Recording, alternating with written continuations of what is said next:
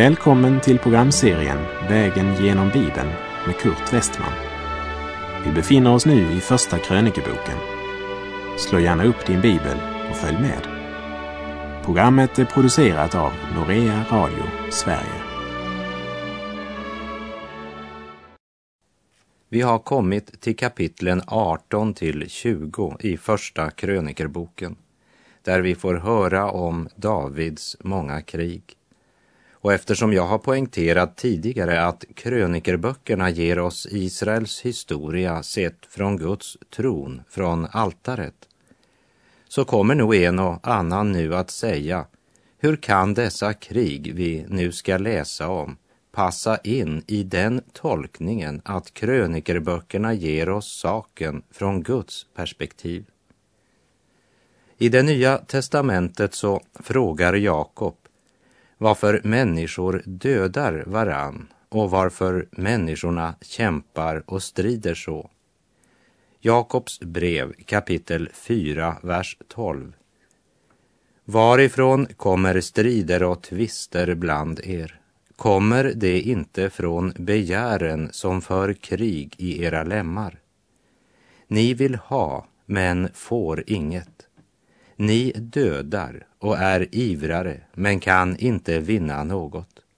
Ni kämpar och strider, men har inget, därför att ni inte ber. Syndafallets skada har trängt djupt in i människohjärtat. Strider och tvister uppstår på grund av det begär som för krig i våra lemmar. Så bakgrunden för strid, kiv och krig är människans syndiga hjärta. Det är synden. Det är lätt att protestera mot krig, men man avskaffar inte krig med hjälp av protester. Även om protester kan stoppa ett krig därför att opinionen blev så stor, men i nästa ögonblick börjar ett nytt krig därför att grundproblemet är människohjärtat som är fullt av synd. Herren Jesus kom till vår värld och han sa så här i Lukas 11.21. När den starke beväpnad vaktar sin gård får hans ägodelar vara i fred. Men kommer det en som är ännu starkare och besegrar honom, då tar den mannen ifrån honom alla vapen som han litade på och fördelar bytet. Varför sa han det? Jo, därför att det är situationen på vår jord efter syndafallet. Vi lever inte i tusenårsriket ännu och människan kan inte skapa fred. Fredsfursten är den ende som kan skapa fred på jorden. Och tills han kommer behövs nog både polis och försvarsmakt. Krig och nöd och lidande, det kommer att existera på jorden till den dagen då synden för alltid är utestängd. Och Herren har etablerat en ny himmel och en ny jord där rättfärdighet bor. Krig är bara symptomen. Sjukdomen heter synd. Det är eh, synden som är problemet. Och jag vill också nämna att krönikerböckerna har hoppat över att berätta om den krigens brutalitet som vi läste om i Andra Samuels bok kapitel 8 och Andra Samuels bok kapitel 12 till exempel. Därmed har krönikerböckerna egentligen inbyggt en viss kritik av krigets brutalitet. David är mannen som nu regerar över Guds Israel och som växer i makt. Och konsekvensen blir att han får många fiender runt omkring. Så länge han endast var kung över Benjamin och Juda ägnade man honom inte någon uppmärksamhet. Och här i krönikerbokens 18 till 20 kapitel låter Gud oss veta att även Davids kungarike var i en värld där det var krig. Han lever inte i en idyll, men i den bistra verklighet som råder på syndens jord. Och där lever även du och jag. Därför är det bäst att låsa vårt hus när vi går ut. Och låsa bilen, ja, till och med cykeln. Ändå är det inte alltid det hjälper heller. Och allt det här på grund av synden.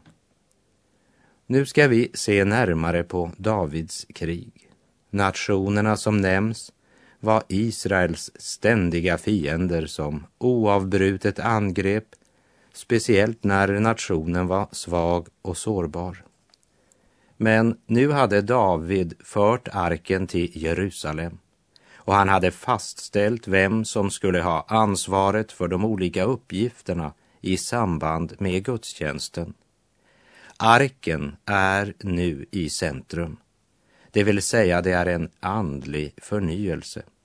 Och när den har skett så läser vi i Första krönikerbok 18, vers 1 4. En tid här efter slog David filisteerna och kuvade dem. Därvid tog han Gat med underlydande orter ur filisteernas hand. Han slog också moabiterna. Så blev moabiterna David lydiga och förde till honom gåvor. Likaså slog David Hadareser, kungen i Soba, vid Hamat, när denne hade dragit ut för att befästa sitt välde vid floden Frat. Och David tog ifrån honom ett tusen vagnar och tog sju tusen ryttare och tjugo tusen man fotfolk till fånga. Och David lät skära av fotsenorna på alla vagnshästarna utom på hundra hästar som han skonade. Varför ödelägger David hästarna? Därför att Gud hade sagt i kungalagen, femte Mosebok 17, att en kung i Israel skulle inte skaffa sig hästar i mängd. Senare så skulle hans son Salomo verkligen samla hästar i mängd. Men det gjorde inte David. David dödade inte hästarna, men han gjorde dem odugliga till strid. Och om arameerna hade låtit bli att angripa David för att hjälpa Hadareser, kungen i Soba, så hade 22 000 liv sparats. Hadareser hade dragit ut med sin krigshär för att utvidga sitt lands gränser helt till floden Eufrats stränder. Men så mötte han Davids här som besegrade honom. Vi läser verserna 5 och 6. När sedan arameerna från Damaskus kom för att hjälpa Hadareser, kungen i Soba, nedgjorde David 22 000 man av dem. Och David tillsatte fogdar bland arameerna i Damaskus. Och arameerna blev David lydiga och förde till honom gåvor. Så gav Herren seger åt David var han än drog fram. Oberoende av vem som segrar i en krig så är det lika svårt att läsa om krigshändelserna eftersom det bakom antalet döda ligger ett hav av enskilda människoöden, tusentals tragedier. Med synden har kriget och döden kommit till världen. Och syndens stora frukt är bland annat stora tragedier. Och syndens lön är döden, säger Romarbrevet 6.31. Och en av syndens frukter var att det oskuldsfulla människohjärtat blev förmörkat, blev ont, blev Guds fiende. Och när människan blivit Guds fiende blir hon också ganska snart sin egen fiende. Synden bedrar människan. Profeten Jeremia säger i Jeremia 17, vers 9. Ett falskt och fördärvat ting är hjärtat framför allt annat. Vem kan förstå det? Och Jeremia 9, verserna 4 till 6 säger var och en må ta sig till vara för sin vän och ingen må förlita sig på sin broder. Ty den ene brodern gör allt för att bedra den andre och den ene vännen går omkring och förtalar den andre. Var och en handlar svekfullt mot sin vän och ingen talar vad sant är. De övar sina tungor i att tala lögn. De arbetar sig trötta med att göra illa. De bor mitt ibland falskhet. I sin falskhet vill de ej veta av mig, säger Herren. Ja, det är villkoren på syndens och dödens jord. Det är människan efter syndafallet och hon kan inte repareras, förbättras, utan hon måste födas på nytt.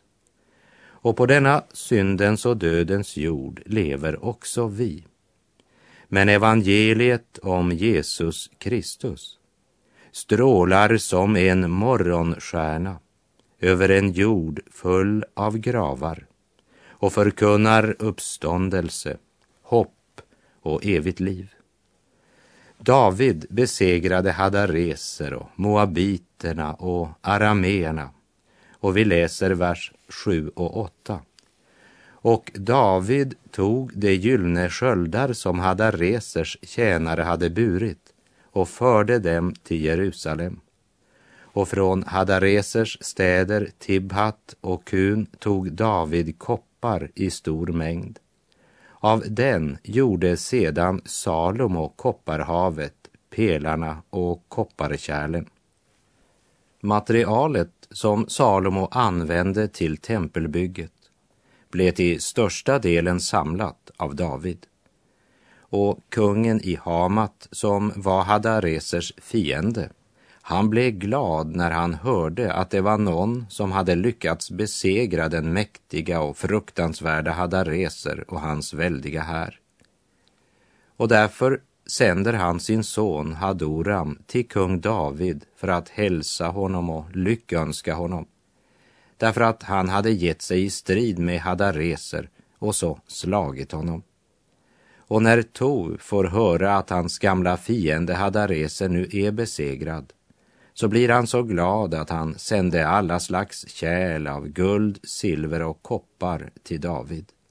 Och vi läser i vers 11. Också dessa helgade kung David åt Herren, liksom han hade gjort med det silver och guld han hade fört hem från alla andra folk. Från edomerna, moabiterna, Ammons barn, filisteerna och amalekiterna. Innan David blev kung över de här områdena så var det fiender som han måste strida mot och besegra. Gud gav honom seger, men David måste strida. Också den som idag är ett Guds barn har fiender. Det är det Paulus pekar på i Efeserbrevet 6, verserna 12 och 13. Ty vi strider inte mot kött och blod, utan mot furstar och väldigheter och världshärskare här i mörkret, mot ondskans andemakter i himlarna. Ta därför på er hela Guds vapenrustning så att ni kan stå emot på den onda dagen och behålla fältet sedan ni fullgjort allt. Det är det förhållande vi lever under. Och att bli kristen är inte att stiga ombord på en lyxkryssare utan att stiga ombord på ett krigsfartyg. Vaka, själ, och bed och till strids dig red. Räds att frestan lägger snaran där du minst förmodar faran. Vaka själ, och bed. Ta på hela Guds vapenrustning det är allt för många kristna bekännare som istället för att kasta sig ut på löftena sitter på löftena och somnar. Vaka själ och bed, för det är bönelivet som formar karaktären.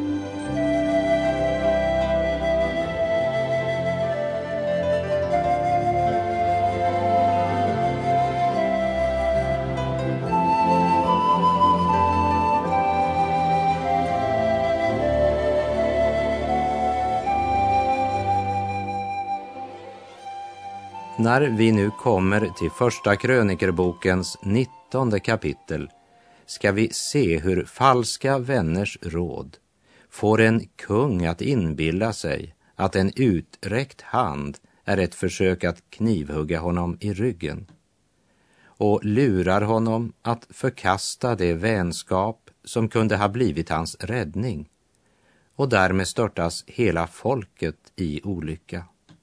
Första krönikerbok 19, vers 1 till och med 3. En tid härefter dog Nahas, Ammons barns kung, och hans son blev kung efter honom. Då sade David, jag vill bevisa Hanum, Nahas son, vänskap, eftersom hans fader bevisade mig vänskap. Och David skickade sändebud för att trösta honom i hans sorg efter fadern. När så Davids tjänare kom till Ammons barns land, till Hanum, för att trösta honom, sade Ammons barns förstar till Hanum. Menar du att David genom att han sänder tröstare till dig vill visa dig att han ärar din fader?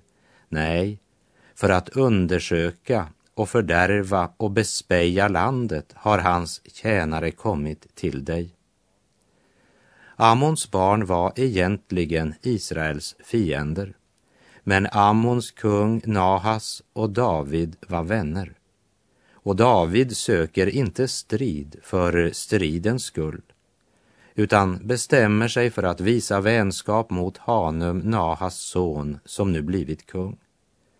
Och det finns ingen orsak att tvivla på att detta var ärligt menat ifrån Davids sida. Och Nahas son var säkert inte heller okänd med vänskapet som rådde mellan David och hans far. Men Ammons barns förstar, som gör allt de kan för att värna om sin ställning och makt, de säger inte är David intresserad av att ära din far, han vill bara använda dödsfallet som en ursäkt för att spionera. Och de talar med en sån överbevisning att den unga kungen låter sig ryckas med av deras manipulation. Och lägg nu märke till vad de gör med Davids ambassadörer, vers 4. Då tog Hanum, Davids tjänare, och lät raka dem och skära av deras kläder mitt på ända uppe vid sätet och lät dem så gå. Att få skägget avrakat, det var en stor vanära för en jude. Och för att fullända förödmjukelsen skär man av deras kläder mitt på. Och i en tid då varken bikini eller nudism var vanligt så förstår vi vilken fruktansvärd vanära det här var vers 5. Och man kom och berättade för David vad som hade hänt männen. Då sände han bud emot dem, ty männen var ju mycket vanärade. Och kungen lät säga, stanna i Jeriko tills ert skägg hinner växa ut och kom så tillbaka. Männen var för vanärade för att kunna komma till Jerusalem. Därför sänder kung David bud som möter dem innan de når fram till Jerusalem. Och sändebuden får permission tills skägget växt ut igen. David har herdeansvar för sina tjänare. David mönstrar inte hären och glömmer sina ambassadörer. Han tar sig först av det förnedrade, sedan mönstrar han. Och om David inte önskade krig så önskade Hanums förstar det. Och behandlingen av Davids ambassadörer, det var ju inget annat än en krigsförklaring och det visste man. Och det kan vi också se av vers 6. Då nu Ammons barn insåg att de hade gjort sig förhatliga för David sände Hanum och Ammons barn ett tusen talenter silver för att leja sig vagnar och ryttare från Aram Nahareim och från Aram Maka och från Soba. Om inte den unge kung Hanum hade vett att respektera Davids män när de kom med gåvor och vänskapliga hälsningar så ska han snart få erfara vad som sker med den som hånar Israels sändebud. Stackars Hanum, som istället för att ta emot Davids vänskap måste lägga ut ett tusen talenter silver till någon som inte kan hjälpa. Han sänder tusen talenter silver för att leja sig 32 000 vagnar och även hjälp av kungen i Maka och hans folk. Och han samlar Ammons barn från sina städer till striden. Men vad hjälper det med en stor mängd när man strider mot Gud? Vi läser verserna 8 till och med 12. När David hörde detta sände han iväg Joab med hela hären, de tappraste krigarna. Och Ammons barn drog ut och ställde upp sig till strid vid ingången till staden. Men de kungar som hade kommit dit ställde upp sig för sig själva på fältet. Då Joab nu såg att han hade fiender både framför sig och bakom sig gjorde han ett urval bland allt Israels utvalda manskap och ställde sedan upp sig mot arameerna. Men det övriga folket överlämnade han åt sin broder Absai och dessa fick ställa upp sig mot Ammons barn. Och han sade, om arameerna blir mig övermäktiga så skall du komma mig till hjälp och om Ammons barn blir dig övermäktiga så skall jag hjälpa dig. Efter att den strategin är lagd, där var och en kämpar för alla och alla för varann, så vet Joab att en god strategi är inte nog. Stridsmoralen är viktig.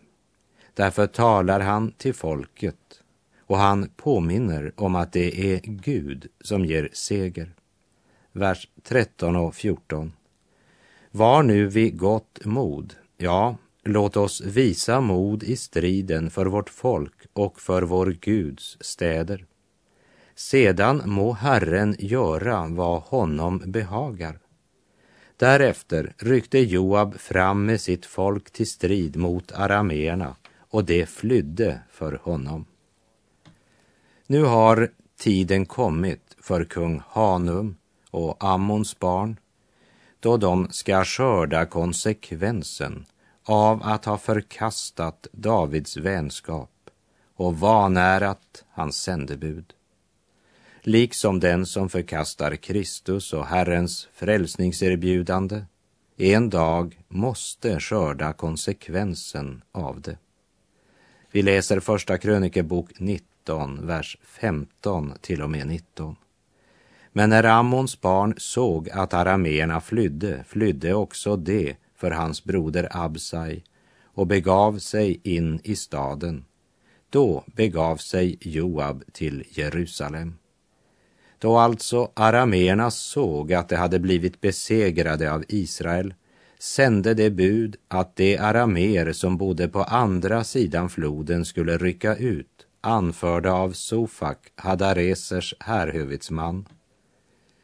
När detta blev berättat för David samlade han hela Israel och gick över Jordan. Och då han kom fram till dem ställde han upp sig i slagordning mot dem. Och när David hade ställt upp sig till strid mot arameerna gav dessa sig i strid med honom. Men arameerna flydde undan för Israel och David dräpte av arameerna manskapet på 7000 vagnar. Likaså 40 000 man fotfolk. Härhövitsmannen Sofak dödade han också. Då alltså Hadaresers tjänare såg att de hade blivit besegrade av israeliterna slöt de fred med David och blev honom lydaktiga. Efter detta ville arameerna inte vidare hjälpa Amons barn. David hade sträckt ut sin hand till vänskap med Ammons barn.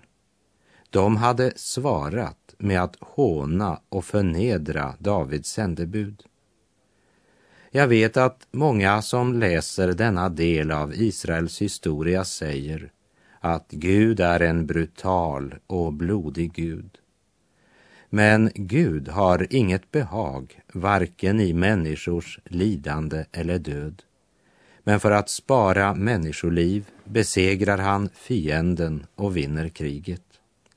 Och han har ju offrat allt för att erbjuda människan frälsning och evigt liv.